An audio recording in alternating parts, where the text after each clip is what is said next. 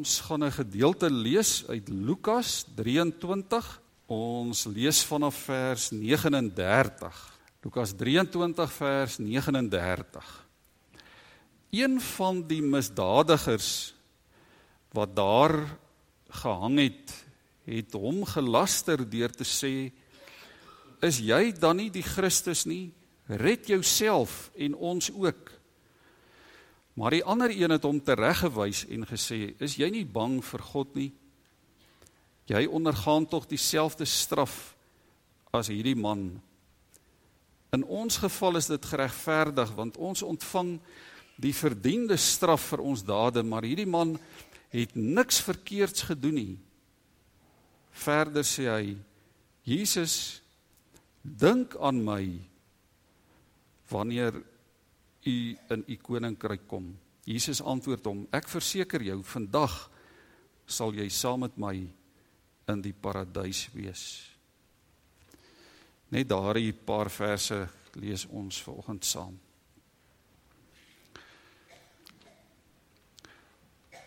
Daar is 'n baie ou Engelse uitdrukking wat sê saved by the bell saved by the bell.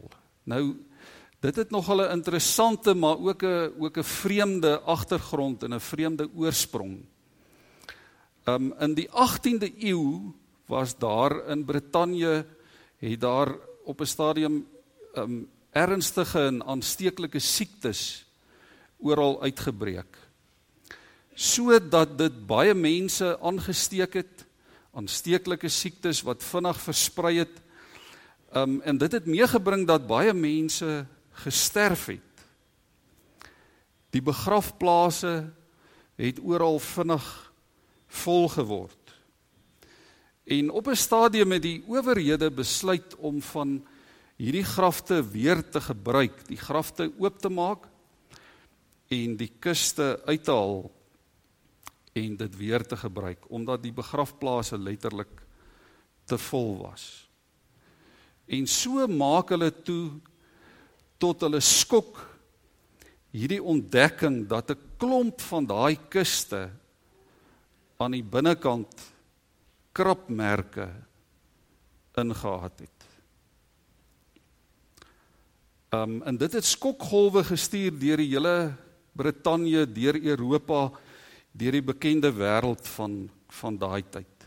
Die nuus het vinnig versprei. Almal was bang om geïnfekteer te word en siek te word en ook te sterf en ook lewendig begrawe te word. En dis toe dat dat iemand 'n slim plan maak. Ehm um, die persoon het daaraan gedink om 'n stuk tou om die een pols van die liggaam binne in die kus vas te maak. Die een punt van die tou en dan die ander punt van die tou buitekant die graf aan 'n aan 'n klok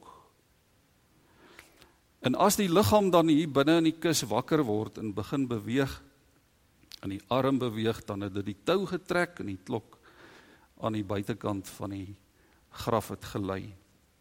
En so het dit gebeur dat dat baie mense lewendig uitgegrawe is en gered is. En daarom die uitdrukking saved by the bell. In 1895 publiseer ene Frans Hartman publiseer sy boek met die titel Buried Alive Buried Alive waarin hy vertel van meer as 700 mense wat so lewendig begrawe is en deur die klok uiteindelik gered is. Aan die kruis roep hierdie misdadiger Hy roep uit na Jesus: Here, dink aan my. Here, dink aan my. Sy lewe is vinnig besig om uit te loop. Letterlik is hy eintlik al klaar dood en begrawe. Menslik gesproke is daar niks en niemand wat vir hom mee kan red nie en, en en dan roep hy dink aan my dink aan my is eintlik soos 'n bedelaar wat roep vir 'n stukkie brood. Wat roep dat iemand hom tog net moet raak sien. Hy prewel dat dat Jesus wat self hier reg langs hom aan die kruis hang hom net in gedagte sal hou. En dan kry hierdie man lewenslange verblyf in die hemel. Nog dieselfde dag direk na sy dood sal hy in die hemel wees. Jesus gebruik die woord paradys En dit was 'n interessante woord. Dit het verwys, dit was 'n ou Persiese woord. 'n Woord uit die Ou Testament, weet ons. 'n Ou woord wat verwys het na 'n groot tuin met 'n muur om. Die hemel is so 'n plek. Die hemel is 'n paradys. Die hemel is 'n pragtige plek van vrede, van veiligheid, van rus. Die hemel is 'n plek van helder lig. Die hemel is soos 'n plek waar daar baie groen, groot, welige koelte bome is. Dis 'n plek soos 'n plek wat wat groot grasperke het, welige uitgestrekte groen grasperke, strome water. Dis 'n plek waar die heerlikheid van God soos die son lewe gee aan alles. En nou het dit in daai tyd gebeur dat wanneer 'n koning um eer wou bewys aan een van sy onderdane of 'n uh, onderdane guns wou bewys, dan die koning vir hom 'n boodskap gestuur en hom uitgenooi om saam met hom daar by die paleis in sy ommuurde tuin in sy paradys te kom wandel so die koning aan 'n onderdaan guns bewys. En wat 'n voorreg. Wat 'n voorreg vir hierdie armsalige, elendige, sterwende, sondige moordenaar om nog dieselfde dag dieselfde dag saam met die koning in sy paradys in sy tuin te wandel. Wat 'n wonderlike stuk genade. Broers en susters, ek wonder toe ek weer dink aan hierdie gedeelte en aan Jesus se kruiswoorde en en alles wat rondom Paasfees 2000 jaar terug gebeur het en die betekenis van Paasfees en ons sien en ons hoor oor die kruis staan en oor die gebeure staan geskryf genade. Um het ek gewonder of ons altyd onthou hoe groot God se genade is. Hoe eindeloos God se genade is. Hoe ver God letterlik bereid is om met ons te gaan. Met elkeen van ons. Hoe hoe ver God bereid is om genade uit te rek en uit te rek en uit te rek tot die uiterste toe. Tot by die einde toe, tot tot letterlik op die laaste oomblik, op die laaste minuut. Hierdie hierdie misdadiger aan die kruis en nou sê ouens maar hy was nie eintlik 'n misdadiger nie. Hy hy was net iemand wat in opstand was teen die Romeinse regering. Hy was iemand wat nie saamgestem het met die met die politiek van die dag nie en en miskien 'n klompie goed wat daarmee saamgegaan het, maar hy was 'n veroordeelde deur die Romeine. En hy hang hier saam met Jesus wat ook veroordeel is, wat ook tereggestel word. Jesus die die grootste krimineel van hierdie 3 want hy hang in die middel.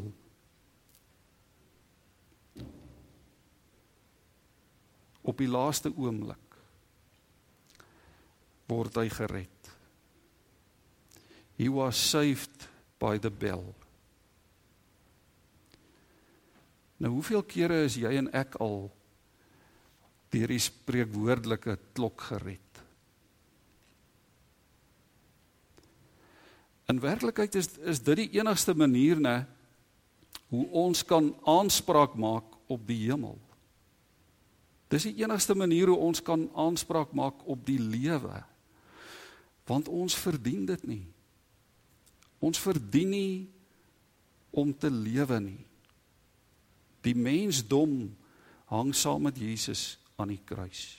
Sommige hang links, ander hang regs.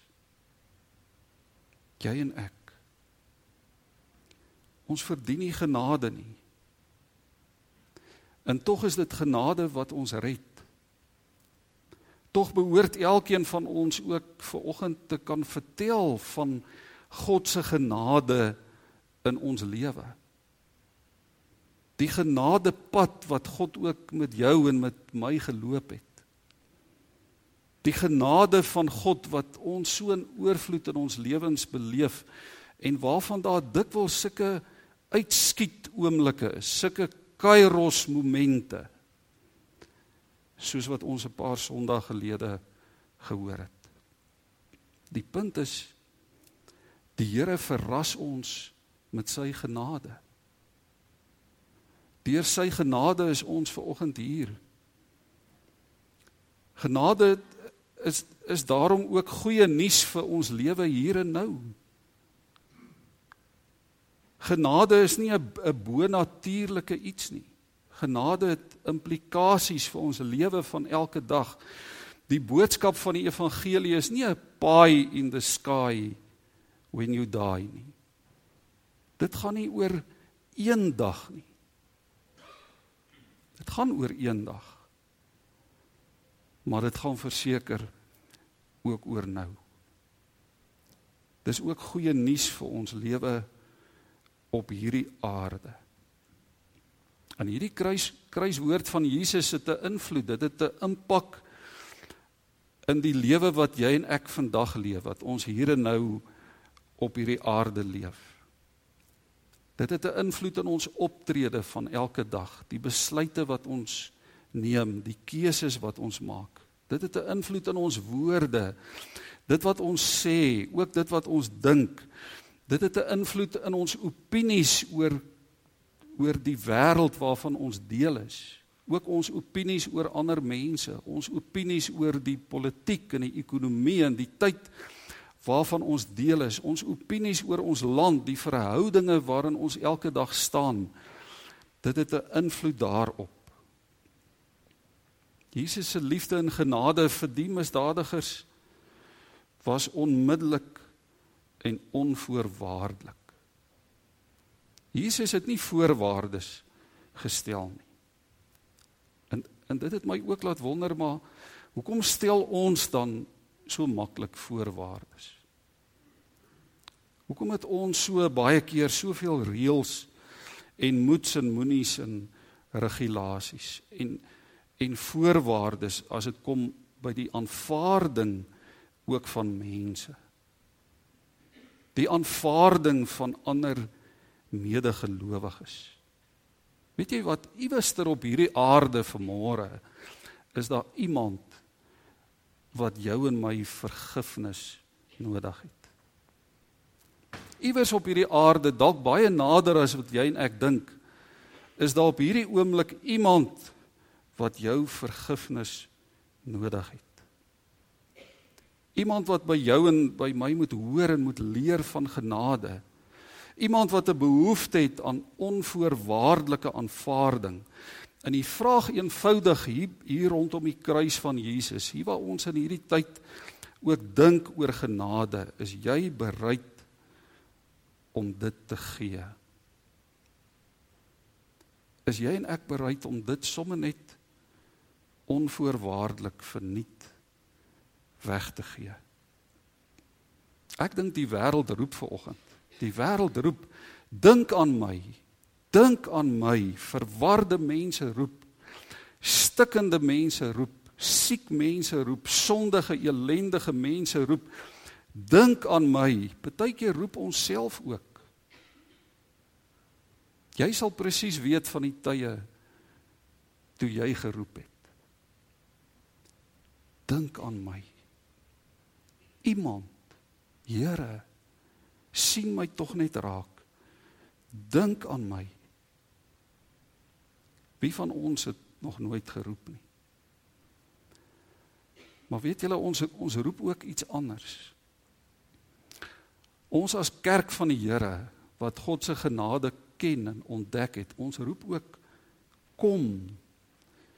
Kom vandag. Kom kry vandag onvoorwaardelike genade, paradys genade. Kom deel in hierdie Jesus lewe. Die kruis evangelie is ook vir jou en vir jou en vir jou. Kom vandag, kom nou, kom gou.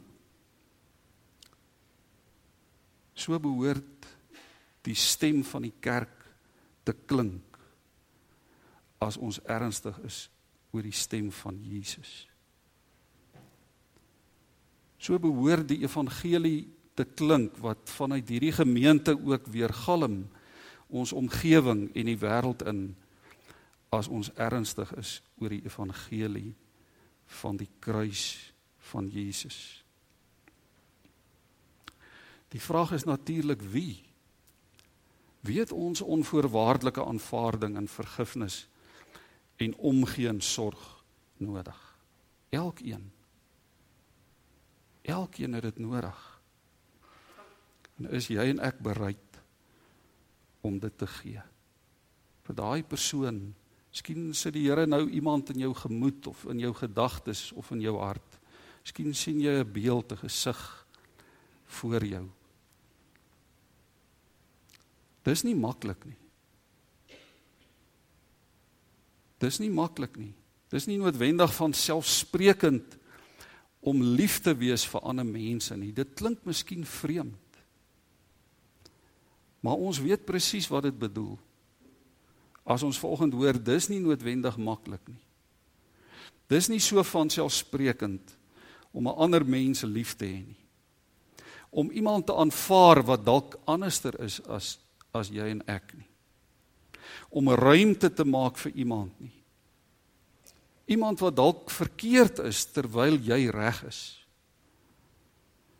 Om dit opregtheid en met 'n hart vol genade vir iemand te sê, weet jy wat, Ek stem regtig nie saam met hoe jy dink en selfs met wat jy glo en hoe jy jou lewe leef nie, maar kom ek wil na jou luister. Ek wil 'n pad saam met jou loop.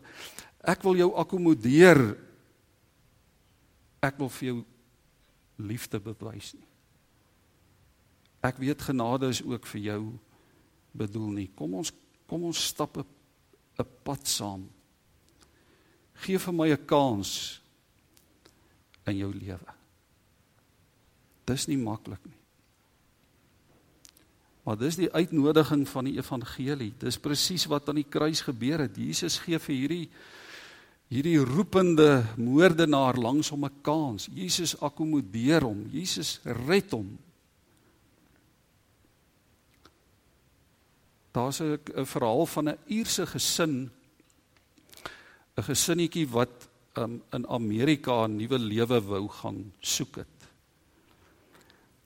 Maar hulle was baie arm. Hulle het nie genoeg geld gehad om 'n om 'n kaartjie vir 'n bootrit van Ierland na Amerika te koop nie. Die pa het baie hard gewerk. Hulle het lank gespaar totdat hulle uiteindelik genoeg geld bymekaar gemaak het om om kaartjies te koop vir hom en vir sy vrou en hulle vyf kinders en vir die vir die een ouma ook. Maar hulle kon die goedkoopste kaartjies op daai boot bekostig en die heel onderste op die heel onderste dek. Hulle het nie geld gehad vir beter nie. En al wat hulle kon saamvat op die boot was die was die klere aan hulle lyf. In 'n in 'n paar ponde, letterlik 'n paar ponde in hulle sak. In 'n sak vol brood wat hulle bymekaar kon maak. Ehm um, en 'n bietjie kaas en 'n bietjie ander kos. Maar na so 'n paar dae, 3 of 4 dae op die boot is daai kos alles op. En die hongerpyne begin knaag en hulle hulle praat met mekaar en hulle besluit toe om die oudste seun van 8 jaar te stuur na die boonste dekke toe om 'n paar lemoene te gaan koop sodat hulle net op 'n manier aan die lewe kon bly totdat hulle 'n uh, 4 of 5 dae later in Amerika aan land sou gaan. En so is die seun toe daar weg.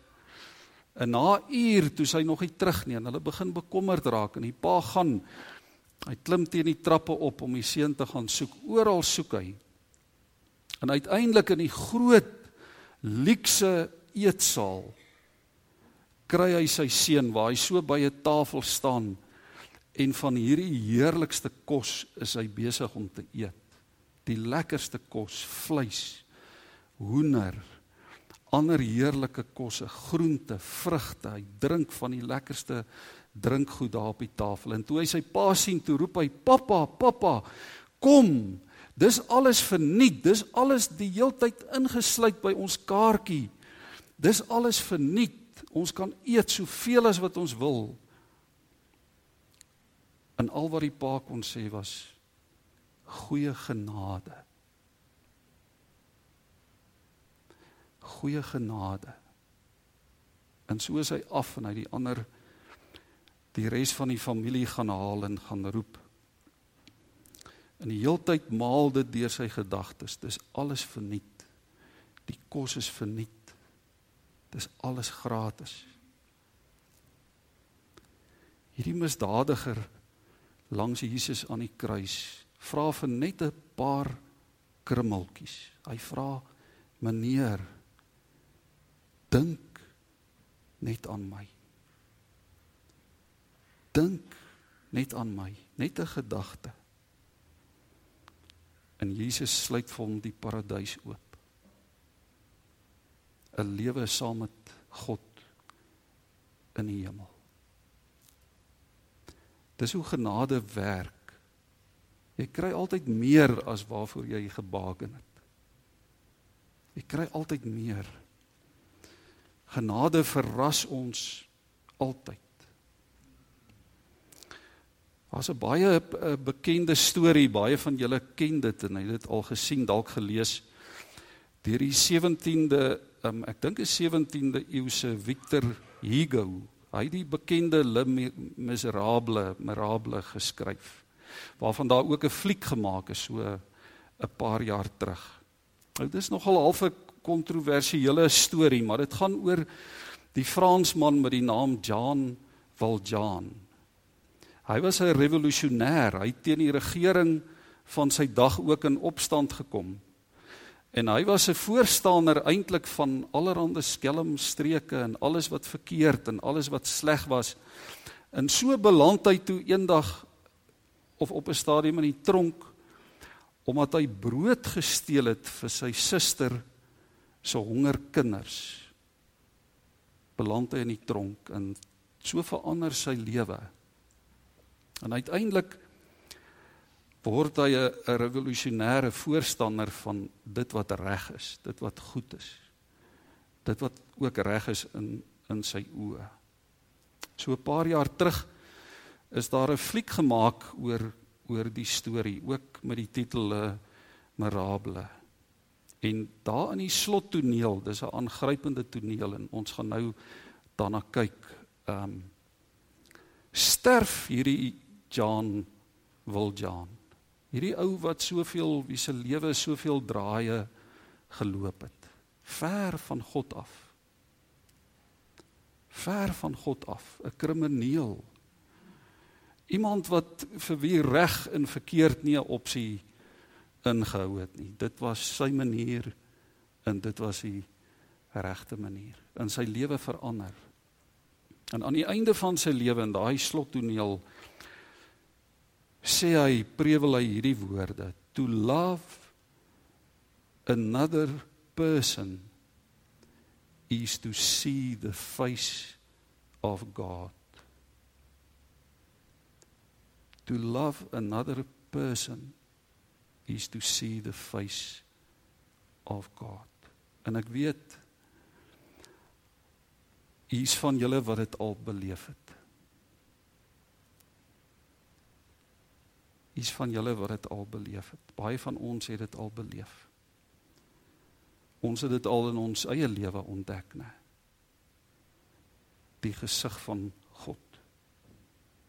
Die teenwoordigheid van God, die genade van God. Weet julle ek ek dink dis die roeping vir die kerk. Dis die roeping vir ons as gelowiges in hierdie tyd waarin ons lewe dat mense hier by ons God se gesig sal sien en God se hart sal beleef. En ons hoef nie te redeneer oor reg en verkeerd nie, nê. Nee, uiteindelik sal ons daarby uitkom. Maar dis nie waaroor dit gaan nie. As as Jesus daar aan die kruis met hierdie ou langs hom moes redeneer oor reg en verkeerd, dan was dit doodsake. Doodsake. Dis nie waaroor dit gaan nie. Kom. Kom kyk, kom sien. Kom beleef die gesig van God. Is alles verniet is onverdiend. Die evangelie vra dat dat ons dit ook verniet sal deel met ander rondom ons, dat ons nie te gou sal oordeel nie, nie te gou sal beskuldig nie. Nie te gou sal verdoem nie, nie mense te gou sal afskryf nie. Ons is almal immers gered deur daai spreekwoordelike klok op die laaste oomblik. Amen. Kom ons buig net so in gebed voor die Here. Here, dankie vir u eindelose genade. En Here, as ons dit bid, dan bid ons dit met ons beperkte menslike verstand en insig, want Here, dis vir ons so moeilik om dit te verstaan hoe groot hierdie genade is en wat dit presies beteken. Maar Here, dankie dat dit nie nodig is om dit te verstaan nie.